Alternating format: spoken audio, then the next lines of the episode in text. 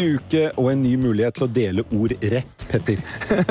ja, det er ikke alltid eh, ting går helt som du forventer. Nei, det er ikke det. Eh, denne uken så åpner jo ditt nye storhotell The Hub, og over hele byen så har dere reklameplakater med nabovarsel på plakaten. Så det er bare et ørlite problem med det. Det er over tre linjer. Nabo, og så var, og så sel i tre linjer. Uten noe bindestrek, ingenting. Nabo var sel. Var det en genial plakat, syns du? Noen vil jo tenke på at uh, det har noe å gjøre med min nogen noen i norsk, uh, og at orddeling ikke var min sterke side. Ja. Men det er faktisk feil. Ja, er det? Ja. For øvrig tror jeg det er faktisk datteren min som er delvis ansvarlig for dette. Du må ikke skylde på Emilie. Hun er flauere enn de fleste over den plakaten Men- der. men det- Men er det, var det en linje som manglet Skulle vært nabo var selsom? Uh, nei, men, det? men det, det, er her, det er her, Per, forskjellen på meg og deg er. Hvis du husker tilbake når Coca-Cola skulle ta bort Coca-Cola, eh, så ble det altså massive demonstrasjoner i USA, for det kunne man ikke gjøre. De, fikk, de økte sin eh, markedspenetrasjon, altså markedsandel, enormt, og de kom tilbake og sa vi skal selvfølgelig ikke ta bort den. Og spørsmål som alle har stilt seg etter de, var dette planlagt for å møte Pepsi-Colas eh, liksom, eh, ekspansjon i markedet? Var, altså, var det tidenes genistrek for å få diskusjon, eller var det bare en gigantisk, rett før en gigantisk katastrofe? Det du aldri får svar på. Nabo var sel. Alle diskuterer om ord kan deles på den måten. De sitter på trikken og på bussen, og hadde jeg brukt det vanlige nabovarsel Det kommer 10 000 mennesker på torvet på Jernbanetorget eh, 7. mars. Er du en av de, liksom? Jeg er ikke sikkert jeg hadde fått like mye diskusjon. Når du selv du tar opp. Det er den absolutt mest tvilsomme unnskyldningen jeg har hørt for en elendig orddelingsfeil, men greit nok. ja. Eh, Men, men det som også er interessant, dette har gått gjennom en to-tre av de vasseste byråene i byen. Og alle har jo stilt seg spørsmålet skal det være sånn. Men det var ingen som sa fra. Ingen torde å si fra. Nei, det er så bra. Ok, vi kjører på. Uh, Benedikte Skilbred Fasmer, konserndirektør i DNB, velkommen. Tusen takk. Du og din uh, nabomann er faste Stormkast-medlemmer av stallen. Og velkommen til deg også, Håkon Haugli, administrerende direktør i Abelia. Tusen takk for det. Hyggelig å ha dere her, og vi kjører på med første tema. Eller første og eneste tema, faktisk. Men det er dog veldig viktig tema. Og stort. Og noe som engasjerer i hvert fall deg, Petter, ganske heftig, tror jeg. I hvert fall muligheten i det. Vi kan ikke gjøre oss helt ferdig med denne nabovareselen. Det må jo være et perfekt kjæledyr å ha. Altså nabovarsel. Ja. Det kan man jo ha hjemme. Den kan være oppmerksom på det som skjer. Og Ja, ja, ja, Det er litt signal om et eh, kjæledyrvennlig hotell, vil jeg anta. Her skulle jeg ha en sånn intro full av energi, Ja, ja, ja. raske, kjappe det. overganger. Ja, det Dere dreper det fullstendig. eller vi introduserer noe helt nytt. Altså litt annerledes, og det er en del av grunnfjellet vårt. Annerledeshet, mangfold. Eh, så Men eh, nå Men du, ser hva, hvis vi, hva, hvis nå bare, hva hvis vi nå bare Stormkast med Skilbred, Fasmer og Haugli, og så er vi gjester, Petter? Skal vi prøve det? Jeg føler at vi tar over. Jeg tror jeg ligger litt tungt for dere. for å si det sånn. Ja, det kan ikke ha noe av det. Ikke i dag. Hvis du, hvis, du, hvis, du, hvis du hadde kjent hvordan jeg har det inni meg i dag Altså før, Nå er det liksom timer før vi skal dra av gårde av den største hotellåpningen noensinne i Norden. Altså, jeg, jeg, det, det, jeg har så mye energi at jeg er sikker på jeg kunne nesten eh, gjort det som en gjorde for et par tusen år siden. Jeg kunne nesten gått på vannet. Du kunne nesten gått på vannet. Men, Akkurat nå har jeg det sånn. eh, Bra. Men da kjører vi drar i gang. Da drar vi i gang.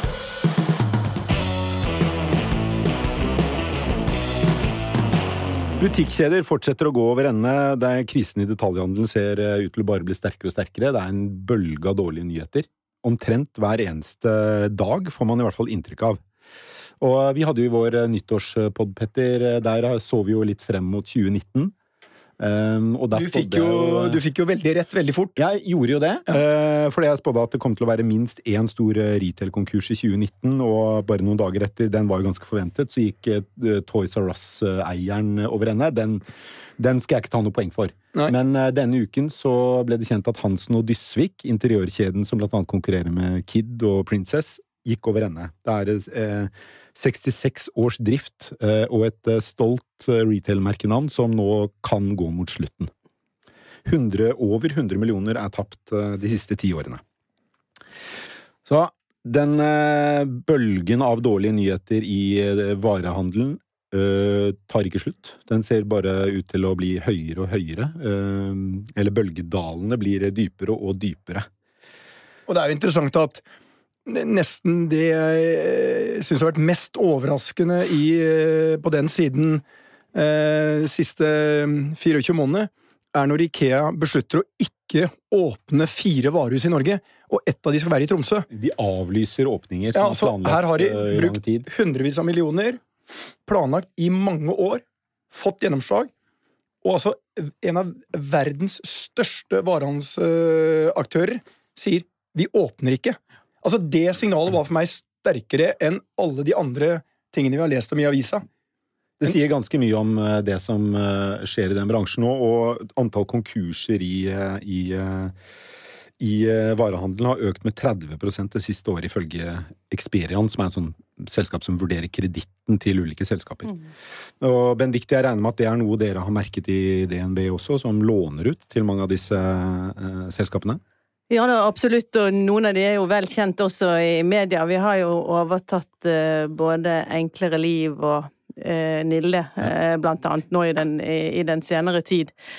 Og vi har jo også vist gjennom tidligere blant annet Kid. Ja, En som suksessstory, da. Ja, det er akkurat det. At, at det går jo an å snu dette hvis man jobber riktig. Og det er vel litt det som Det det handler om i forhold til vår rolle som bank, da. Hvor vi selvfølgelig, når kundene våre sliter, eh, prøver så langt vi kan å hjelpe. Eh, og bidra til å, å snu, med både råd og tidvis kapital, og noen ganger må vi ta over helt eh, Og, og det er kanskje overraskende for mange som uh, lytter på podkasten vår, det at uh, banker også er uh, stor aktør i varehandelen. Og, og det er jo riktig å si at det er ikke noe man gjør helt frivillig. Det er liksom siste runde. Ja, det å ta over er absolutt siste runde. Og, og vi, Da har, man, da har man forsøkt alt. da har du forsøkt alt. Da er konkurs alternativet. Ja, absolutt. og den eneste vurderingen banken da gjør, er at eh, vi tror det er større muligheter i å fortsette driften og restrukturere enn å la det gå til helvete. Ja. eh, La, eh, la det gå konkurs. Ja, og- Som er det samme som å gå til helvete. Ja. Og, og, og det er klart at noe eh, Du må på en måte ha tro på at caset kan bli lønnsomt gjennom å gjøre grep. Eh, men Eller mindre tapsbringende? mindre tapsbringende, det er riktig. Og så er det jo klart at eh, det, vi går jo sjelden inn før eierne har kastet kortene. Sant? Det er jo sånn at når eierne ikke lenger kommer med kapital og vil eie og drive bedriften fremover og er med på å snu bedriften, da er det vi, først da er det jo vi virkelig eh, går inn. Som, I hvilken, I hvilken grad er det For det er jo interessant det der med eierne kaster kortene, men, eh, men de kan jo bli presset til å kaste kortene òg. I hvilken grad er det dere, dere i enkelte tilfeller en aktiv pådriver i å fortelle aksjonærene at nå er det slutt? Dere, dere har til klokken tolv i morgen med å eh, kaste inn håndkleet og gi oss kontroll over aksjene, eller så slår vi selskapet konkurs.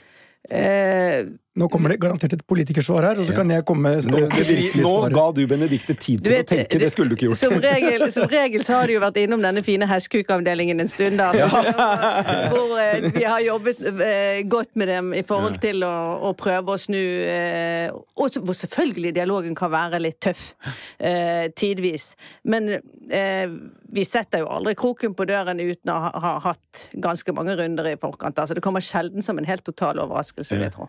Men eh, bare, bare en liten sånn eh, oppklaring her. Hestekukavdelingen er altså avdeling for spesialengasjement i banken. og Det er der du kommer når ting er ordentlig bad. Utfordringen da, da mister du alle de gamle som har jobba med deg som eh, kontaktperson i banken, og du får helt nye. Og de, der er ikke noe kjære mor. Er du på veien der, så vil nok mange oppleve at det der med Vi har brukt både pisk og gulrot. Uh, gulroten forsvant, men det er mye pisk. Eh, og da stilles det knallharde krav. Um, og de har jo myndighet da til å ta over virksomheten din, for du er basically da så har du brudd med lånevilkårene, eller det som heter covenants. Um, så dette er ikke sånn. Men, men Håkon, la oss ta uh, Du er jo i en bransje hvor det bare kommer nye aktører, og det vokser, og alt er bare velstand. Men la oss ta Hvis du hadde vært ansatt i en uh, detaljhandel i dag, hadde du vært bekymra? Du er over gjennomsnittlig smart. Hvor bekymra hadde du vært? Veldig. Jeg mener, um, altså Ja, vi organiserer ikke varehandel, men det er mange sider ved dette som er problematisk. En ting er arbeidslivet. altså Varehandelen er en mottaker av veldig mange unge mennesker på vei inn i arbeidslivet og sysselsetter en stor andel av befolkningen. Så det er ett hensyn. Det andre er jo norsk næringsliv kontra internasjonalt næringsliv. Det er viktig at vi har verdiskapning i Norge. Varehandelen er en viktig del av norsk næringsliv. En stor Eh, arbeidsgiver. og en stor og arbeidsgiver. ofte fordi arbeidsgiver. lav utdanning også. Og, det som, og så er det jo slik at teknologi, som i veldig stor grad våre bedrifter eh, driver med, er jo eh, verktøy for alle bransjer. Og det er litt av det jeg tenker er sentralt å snakke om her. Hvorfor skjer dette med varehandel nå?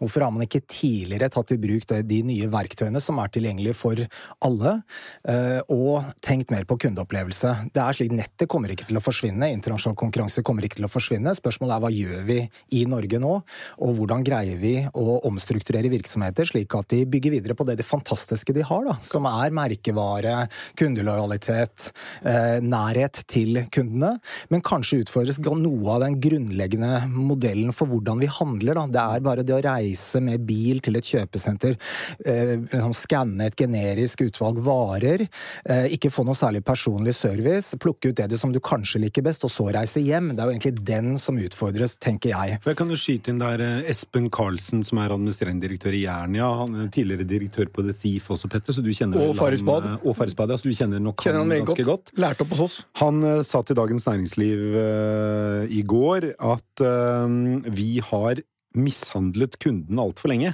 Ja, Interessant uh, utspill. Jeg så også det. Jeg tenker han går litt langt, da. Uh, men det er fint at han sier det, for det det understreker er jo en veldig opptatthet av kundens behov, og en oppfordring til egentlig egen virksomhet, men også all annen virksomhet, om å begynne med kunden. Tenke hva er det kunden når den kunden da stikker uh, hodet innom butikken, hva, hva opplever vedkommende da?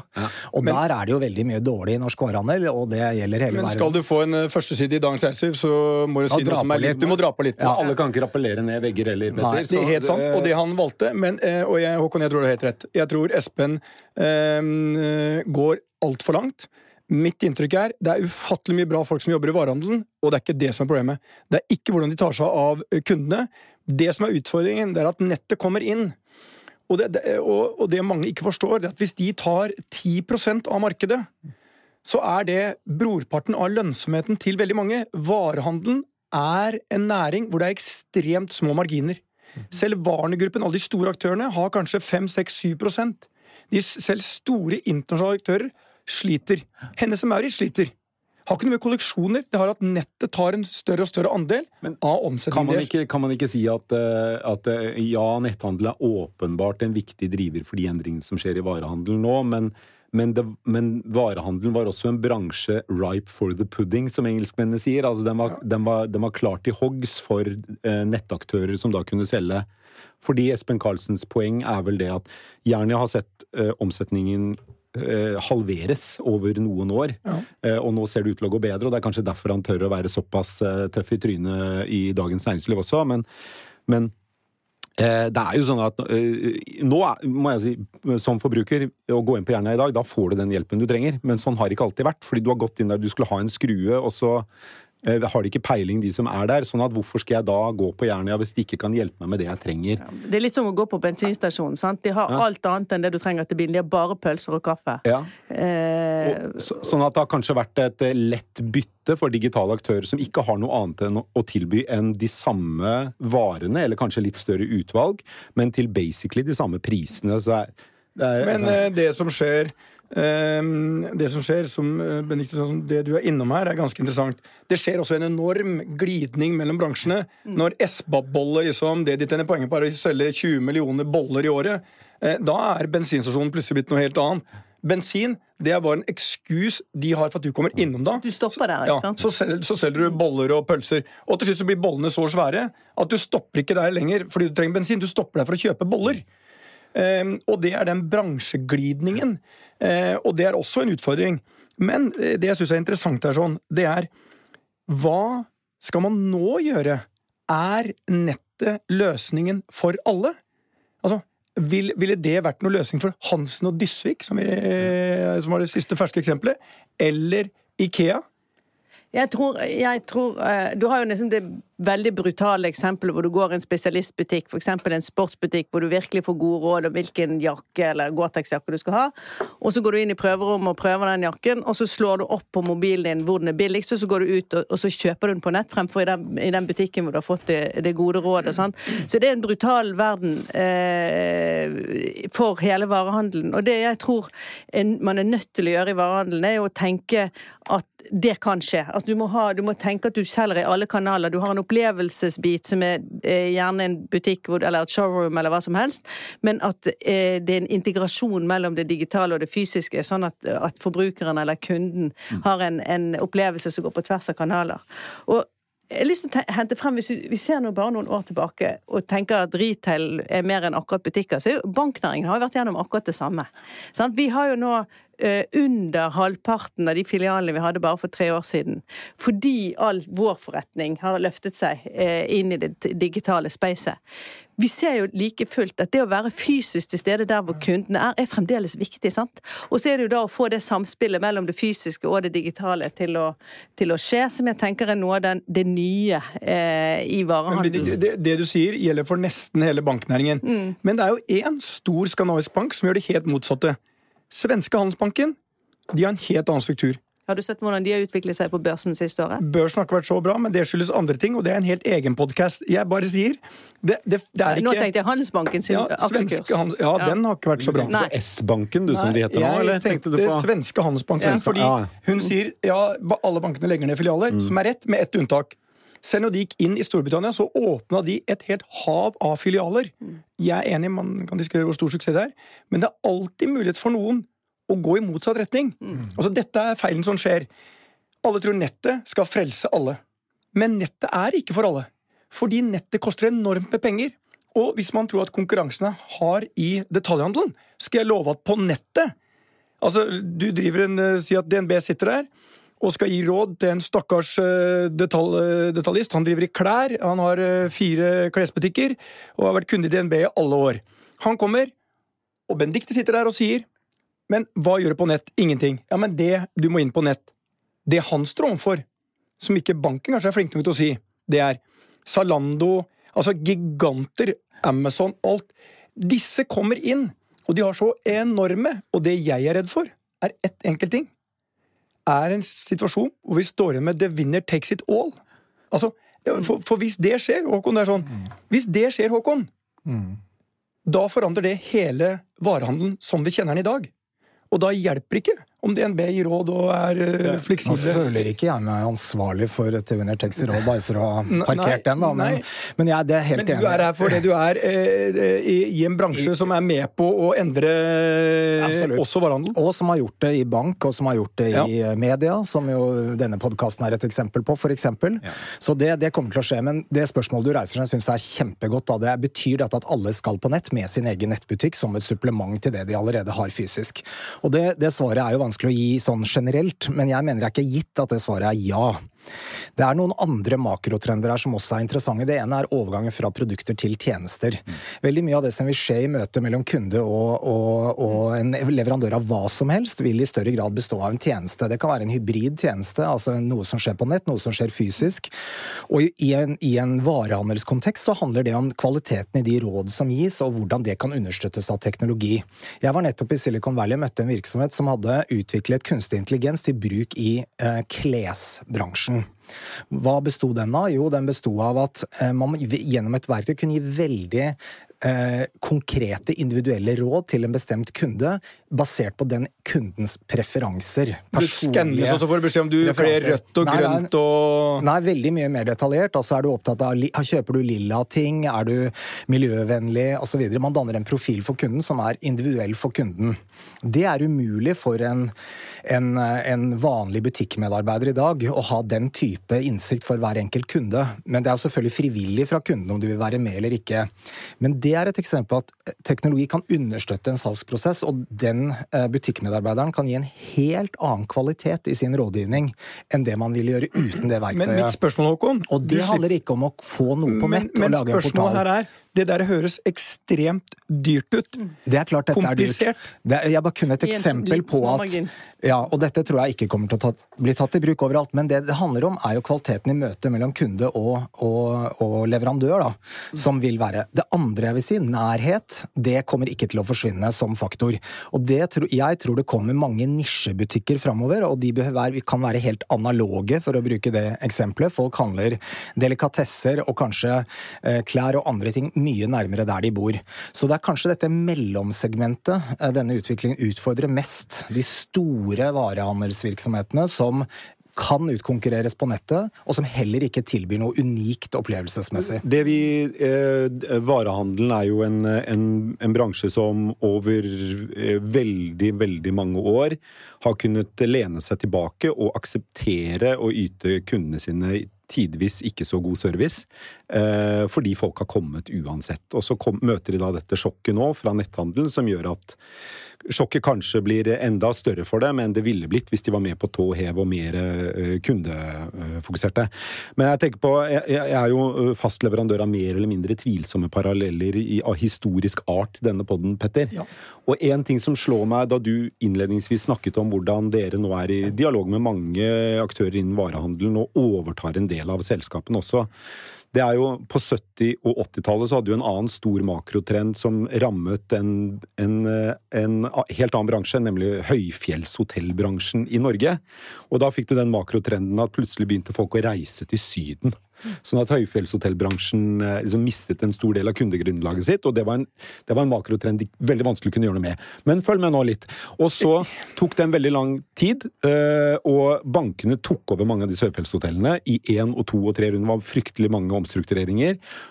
Enden på det har jo blitt at det er færre og større og mer profesjonelle aktører som driver mange av disse destinasjonene i dag. Eh, og de tilbyr mer. De tilbyr spa-opplevelser, det er mye bedre alpinanlegg, og det er liksom en helt annen opplevelse på et høyfjellshotell i dag enn det er for 20-30 år siden. Ellers er de helt døde. Ellers er de helt døde, ja. Og som det er en del tilfeller av. Nå beveger du deg godt innenfor et fagområde. Som du kan en del om. Definitivt mer enn deg, føler jeg når jeg står her ja. nå. Men kjør på. Er det noe i den historiske jeg parallellen? Jeg skal ta en mye enklere parallell. Ja. Plutselig forsto man at tiden var forbi med bulgarske danseband som spilte Bonnie M, ja.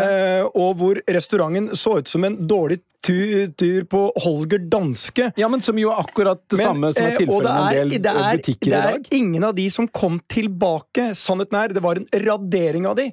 Men hvorfor det skjedde, det er der analysen din er feil. Dette skyldtes ikke endringer i så mye forbrukermønstre. Økonomer i de store bedriftene som hadde hatt alle konferansene, som var en av de store inntektskildene, sånn, de sa bare tiden er forbi hvor vi skal kjøre tre timer til et høyfjellshotell, ha en konferanse for 200 mennesker, og dagen etterpå kjøre tre timer tilbake. For da går det bort 200 dager, reisedager, bare å sitte i en bil. Så, så det var økonomene som sa Derfor kom den enorme eh, ekspansjonen rundt flyplassene, rundt de store byene. Fordi effektivitet og krav til effektive møter og konferanser og alt det, det var endret seg. Bolkersjø turisthotell var den som hadde de store motemessene i gamle dager. Altså, Det er så utenkelig at når jeg fortalte det til mine barn, så holdt de på å le seg i hjel. Eh, og så ble det asylmottak. Og selv det funka ikke, for selv de som bodde på asylmottak, ville ikke bo der. Eh, så, så, så, jeg sier, det er ikke alltid at eh, det som ser ut som er årsak til endringene, er de virkelig bakenforliggende årsakene. Men kan man da kan, Ok, det er interessant, men er, kan vi forvente at uh, varehandelen vil gå igjennom en like lang og smertefull prosess som mange høyfjellshoteller gjorde på 80-tallet? Jeg, jeg, tenker litt sånn at det, her er det viktig å, å, i hvert fall prøve å finne hva som er drivende. Du har jo, om det er bulgarske danskeband i, i varehandelen, tror jeg vel eh, kanskje ikke. Men, men, det er utvilsomt netthandel er en viktig driver. Det, det, kommer vi ikke fra. Men jeg tror også at noe av forbruksmønsteret vårt i forhold til har vi kanskje nok pynteputer og, og duftlys og, og greier, altså, og at vi har en, en, en mye mer Det er jo en trend hvor vi tenker mer bærekraft også som forbrukere, og som kanskje gjør at det, forbruket vårt går noe ned. Eh, også, det er også en, en annen driver. Og så er det litt sånn som du sier, jeg tror eh, tjenester og opplevelser kommer delvis til å erstatte det som bare er shopping. Eh, og som gjør at det ligger ganske mange spennende muligheter i hva, hvordan man kan tenke varehandel i kombinasjon med andre bransjer, eh, som, som, du var inne på. Da har jeg lyst til å løfte frem et veldig herlig eksempel på hva, hvordan det går an å tenke, og det er Grimstad. Eh, som da har laget altså en nettby hvor alle butikkene eller varehandelen i Grimstad kan bruke Eh, eller eksponere sin butikk på nettet på Grimstad eh, som nettsted.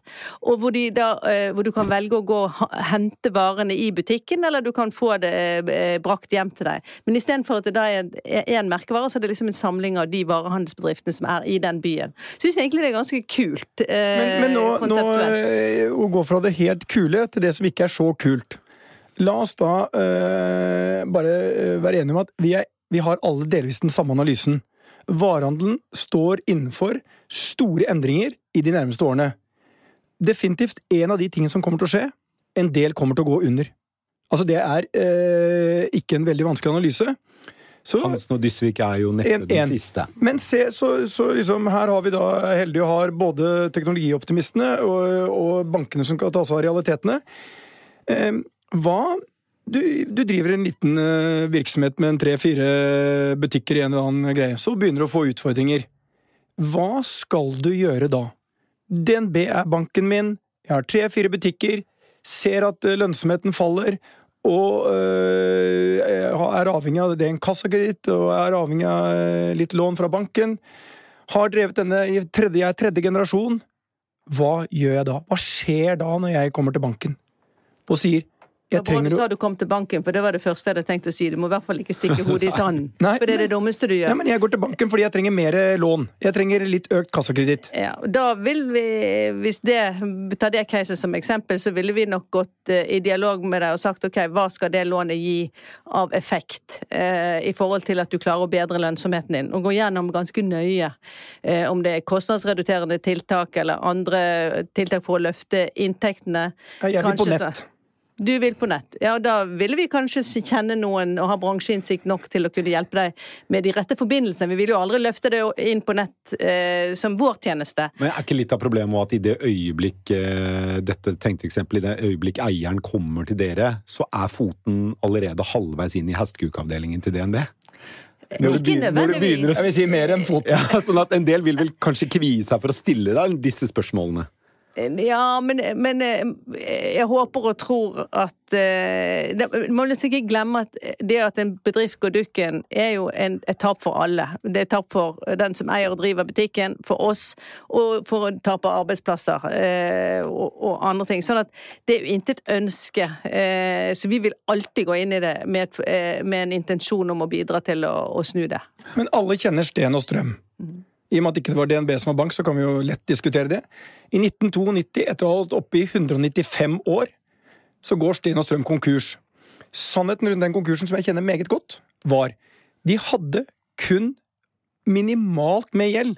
De eide 24 000 kvadratmeter av et av de flotteste byggene i Oslo på varehandelssiden.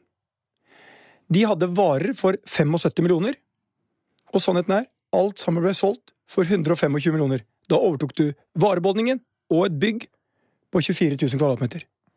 Vi sier at vare... men si at, vare... og, eh, si at varebeholdningen da har vært halvparten av det de sa, så det har vært 35 millioner. Da overtar du 24 000 kvadratmeter for under 100 millioner. Banken der var de som i realiteten dyttet de over uh, the cliff. Um, jeg er overbevist i ettertid. Hadde råden vært gitt annerledes, så kunne dette vært unngått. Men mest av alt, hadde eierne bak sett hva som skjedde, så kunne det også vært unngått. Har ikke banken da et ansvar for å være med og legge press på å si her er det, for at konkurs er et interessant fenomen. Du går basically konkurs enten pga. at du mangler cash, eller du mangler cashflow. Vi kan glemme alt det andre.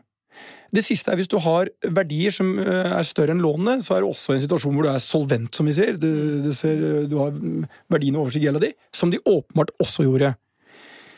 Så når dere er inne Jeg opplever at man, mange ganger så er man ikke konstruktive nok. Det blir altså Man, man trigger en situasjon som går fra ille til verre.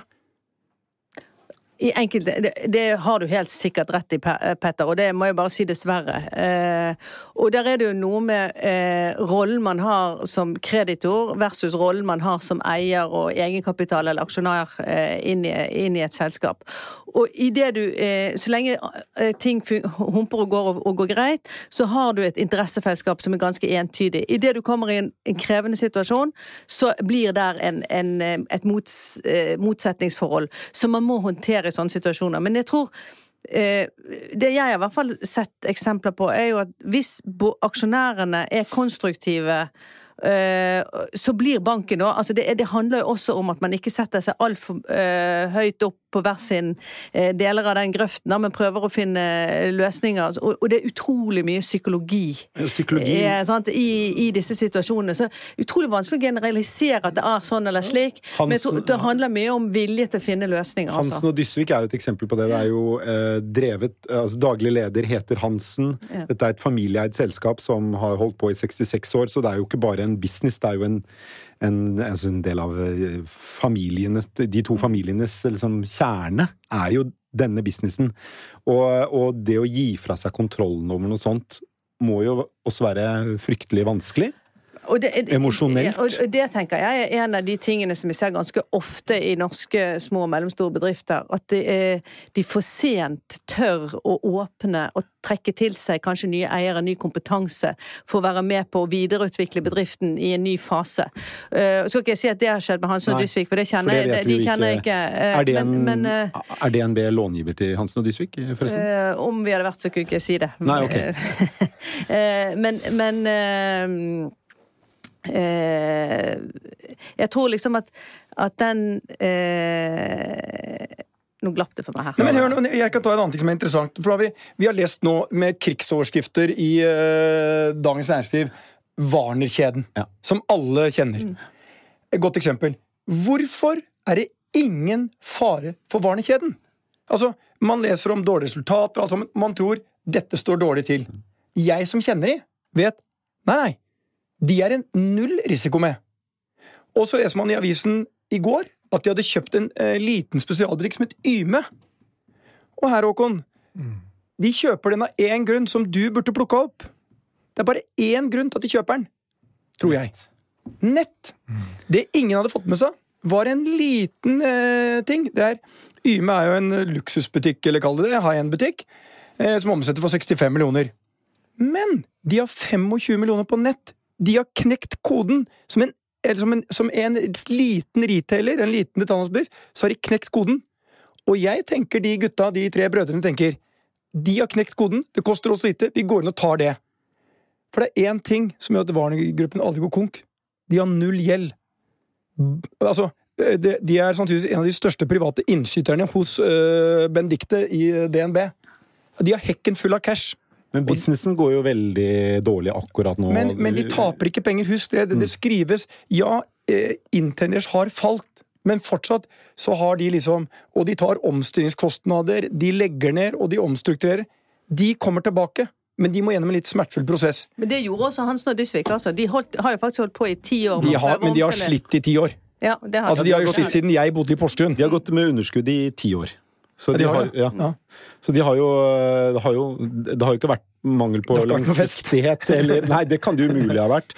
Men uh, bare litt tilbake til det der med når du må legge ned eller kaste inn håndkle på noe som er en så en sånn viktig del av hvem du og din familie er. Eh, har dere psykologer eller andre som bistår kunder når dere eh, sier nei? Vet du hva? Ja, nå kom Dere går til på hva jeg hadde tenkt å si i sted. Ja. Det var nettopp det at eh, jeg tror veldig mange eh, familieeide bedrifter eller små bedrifter er forsiktige med å ta, involvere andre i driften sin eh, på kompetansesiden. Og jeg tror at i det store skiftet vi står i nå i veldig mange bransjer, så er det veldig klokt å trekke på eh, andre krefter og tenke litt mer åpenhet og tørre eh, å hente inn eh, kompetanse, kanskje ny kapital, andre styremedlemmer. Altså ting som kan være med å videreutvikle bedriften fremfor på for død og liv å holde den eh, internt i familien. For det, det er ikke alltid slik at det er de som klarer å, over mange generasjoner å, å drive butikken best, altså. Og det tenker jeg er generelt poeng, da, at det ligger en del eh, verktøy i strategiverktøykassa som man må ta i bruk helt uavhengig av nettet. Det er litt lett å tenke at det er nettet, men det har også vært en veldig høy grad av etablering i varehandel i Norge. Vi har ganske mange, f.eks. når det gjelder dagligvare, er vi jo helt på verdenstoppen. Så det er jo også naturlig å tenke at kanskje er det overetablering, og hvordan skal vi hevde oss i vårt lokale marked uavhengig av nettet? Og det er jo litt tilbake til spørsmålet skal alle lage en nettportal. Nei, alle skal ikke lage en nettportal. Det er ikke svaret for alle. Men det Warner-caset syns jeg også er superinteressant. Det blir spennende å se om kan man ta en modell eh, fra et nisjeselskap på nett over i en mye større kontekst. Er de læringene overførbare? Og det er jo ikke gitt at de er det. De kan være det. Det er jeg helt enig i, men her er det, det er jo fordelen med å ha penger. Og jeg er helt enig med deg, for det er sånn eh, Kan du skalere opp det Yme har gjort, inn i Cubus, Dressmann, Warner, eh, Big Bock, Carlings og alle de kjedene de har? Jeg tror sånn Fordi når du sitter med den enorme finansielle muskelen Warner-gruppen har, så vil de overleve det, for de kan gjøre ikke én sånn, de kan gjøre fem sånne for å se hva som funker. Kanskje kan de skalere opp den på én eller to av kjedene sine, og da er det verdt ti ganger det de har betalt for det. Og jeg tror de gjør litt det som jeg gjorde på hotell i en tidlig fase. Jeg gjorde ting som var litt eksperimentelt, så så jeg det funker, da kjører vi den linja. Det funker, da kjører vi den linja. Men, men, da har du et eh, enda viktigere poeng. Sant? At har, teknologien i seg selv er jo ikke nødvendigvis så kostbar. Altså Det å ha en nettbutikk klarer man. Men det er kombinasjonen av kompetanse, kundeopplevelse og hvordan du eh, får det til, som gjør at dette er interessant. Eller det som er mitt råd til alle, det er du må, hvis du er en liten aktør, tenke på én ting. Vi må ha nok kapital, altså nok cash, til å utvikle oss for å overleve. Da må du være villig til å gi bort ganske mye av bedriften din. Men for mange sitter for lenge fordi de enten har, er tredje generasjon, Hans Lysigiviske eiere til evig tid, Sten og Strøm, det har vært i familien i 195 år. Ja, og kanskje vil de fortsatt vært eiere i dag, men bare med 25% Så mm, jeg tror det, det, skjer det helt motsatte i din bransje, Håkon. Der henter de jo massivt mer penger, selv om de taper penger. Mm. Men da, skal, da vet du hva du egentlig sier nå? det som er kanskje det aller viktigste jeg lærte på Handelshøyskolen. A, B, C, D, E, F. Mm -hmm. Den har vi vært innom før. Ja. At besitte kontanter, det er finessen. Helt riktig. Du husker godt, Tore. Ja, ja, ja. ja. Er, det er jo så grunnleggende. Det, altså, denne mannen er jo som et vandrende leksikon av sitater. Eh, okay. er, en ting vi ikke har snakket om som jeg tenker er relevant her, er dette med merkevare og brand. Identitet. Altså Kjøpsprosesser er ikke rasjonelle avveininger av pris eh, og nytte. Nei. Det handler om veldig mye mer enn det. da. Det jo, snakker du rett til meg. Ja, dette er jo du veldig opptatt av å lykkes med. Identitet, opplevelse av tilhørighet alt dette som ligger i et brand. Og det er jo kanskje noe som virkelig er underkommunisert i denne diskusjonen her. Det, ja, man kan optimalisere prosesser og konkurrere på pris osv. Men hva med det? Liksom, hvordan bygge sterke brand som gjør at folk handler kanskje til litt høyere pris, men får, får noe mer? Ja. Og det er jo litt tilbake til opplevelsen av hva ligger du i det brandet? Hva fyller, hvordan fyller du det med innhold, mangfold, da, som dere har gjort, eller andre ting? Hva er det jeg blir Hvilken klubb blir jeg med i når jeg krysser denne dørstokken inn i denne butikken? Og mange norske virksomheter legger ikke mye energi i dette. De åpner dørene og lar folk komme inn og handle. Det er ikke nok lenger. Det må være mer. Og Amazon, hvorfor går Amazon da over til å etablere fysiske butikker? Det er et godt spørsmål, tenker jeg da. Jo, det er jo nettopp fordi at de ønsker å gi kundene også en opplevelse av at jeg er i denne familien, jeg kommer mm. over hit, disse forstår meg. Selvfølgelig basert på algoritmer, men jeg får også den følelsen av identitet og at noen, noen ser meg og bryr seg om meg. For det er jo sånn, det, så Jeg tror alle har fått med seg nå at du pusser ikke opp en videoutleiebutikk. Men uh, det er jo fremdeles sånn at det er rom for å pusse opp uh, butikker innen varehandel. Yes. Og du må bare men, men, endre profilen. Og noen og, ganger er det en oppussing, en, en restrukturering, ja, som er smertefull. Er, ja. Altså Jeløya industripark, det er jo et kjent område for deg, Petter. Det er jo et eksempel på en stor virksomhet som gikk konkurs. Mm -hmm. Hadde mange mennesker ansatt, og som er etablert av et uh, mangfold av veldig små aktører, som i sum sysselsetter flere mennesker og skaper langt større verdier enn den gamle industribedriften. Og det er jo dessverre også den gode og dårlige nyheten for en del av norsk varehandel. Sånn kommer det også til å komme eksempler på der, tror jeg. Du må skille deg ut. Du må, som du var innom, nisjetankegangen. Og du kan være store nisjer. Eh, jeg skal ta et nytt, kjent sitat. Eh, lett eh, inspirert av Håkon her. Nisj eller bli en nisse. Mm, veldig bra. Eh, jeg vet ikke, hvordan, hvordan, tar man det videre fra et så dårlig Nei, sitat? Eh, ikke sånne jordbærluer, men nisseluer. Ja, men eh, jeg prøver å kvalifisere meg til um, sånn konkurranse i Paradise Hotels-sitater, og der ligger jeg godt an. Ja. Det er få av de som er på mitt nivå der. Det minner meg, Jeg så en artikkel i dag på VG-nett om at det skal være X on the Beach kommer med en ny sesong, og der er det en av deltakerne som lover ny sexrekord på X on the Beach. Det er også en slags nisje, da. X sånn ja, Beach. litt spesiell, men får i hvert fall oppmerksomheten. Men det Håkon, ja, det Håkon har helt rett i, det er sånn Det er så mange måter du kan gå inn i bransjer som du tror er på full fart ned, og allikevel lykkes. Godt eksempel er Fjong. Ja. Altså, Fjong de tok da altså brukte kjoler, brukte klær, og skulle leie ut det. Men hva gjorde de? De sa denne kjolen var brukt av jeg vet da, sånn, Denne kjolen brukte Vanessa Rudjord på kostymfesten, eller denne kjolen brukte Gunhild Stordalen på der. Så kan du leie den kjolen. Um, og de som uh, har brukt den, de får litt betalt for det, og de som leier den, betaler litt mer. En fantastisk altså, Det er nesten utenkelig. Det, det, du trodde bare Frelsesarmeen drev med det, men de tok Frelsesarmeens konsept og bare smalt det high end. Jeg syns det er fascinerende. Um, og når vi skulle lage en pop-up-store på uh, The Hub, hva, hva, hva, velger da de unge menneskene som er der? Jo, de vil ha Fjong til å ha pop-up-storen der. Og jeg tenkte Fjong? Ja ja, det er hot! Og tenk da, dette er akkurat det Håkon, som ikke er da i varehandelen, allikevel sier som er helt rett. Det er enormt med muligheter hvis du bare tør å tenke annerledes, og det bør ikke kreve masse kapital heller. Mm. Så nisj eller hver nisse, var det det? Nisj eller fremstå som en nisse. Nettopp, det var sånn det var. Mm. Skal vi eh, runde av, Petter? ja, med det fantastiske sitatet.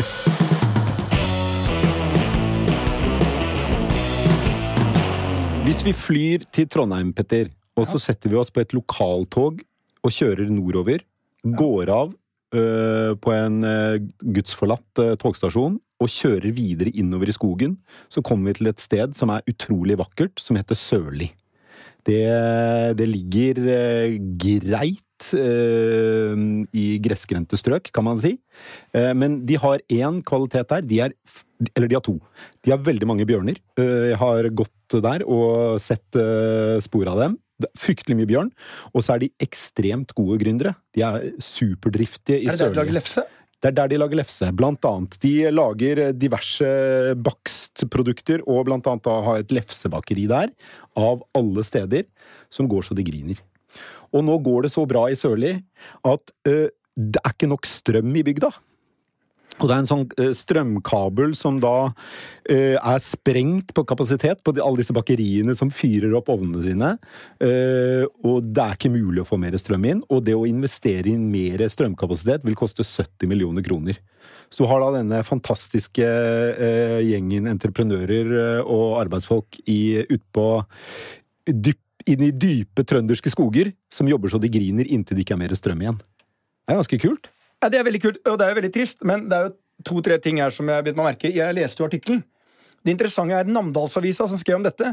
Av alle bilder du kan velge, så velger du også det mest katastrofale bildet jeg noensinne har sett i en artikkel. Det er ikke god reklame for, altså, for hvem, Sørli. Hvem ville flytte hit? Nei, eh, ikke mange når du ser på det bildet. Det er en hva, hva skal beskrive det? Det er en eh, Det er en industriplasthall, en, et industriområde. Det er en del stein. Nå, men det ene som, Jeg vet ikke om de forsøker Er det den der strømlinja som skal symbolisere at det er litt dårlig med strøm her? Ja, det må være det. Det er, en, det er jo ingen bombe at dette her virker litt uh, gudsforlatt. Nei.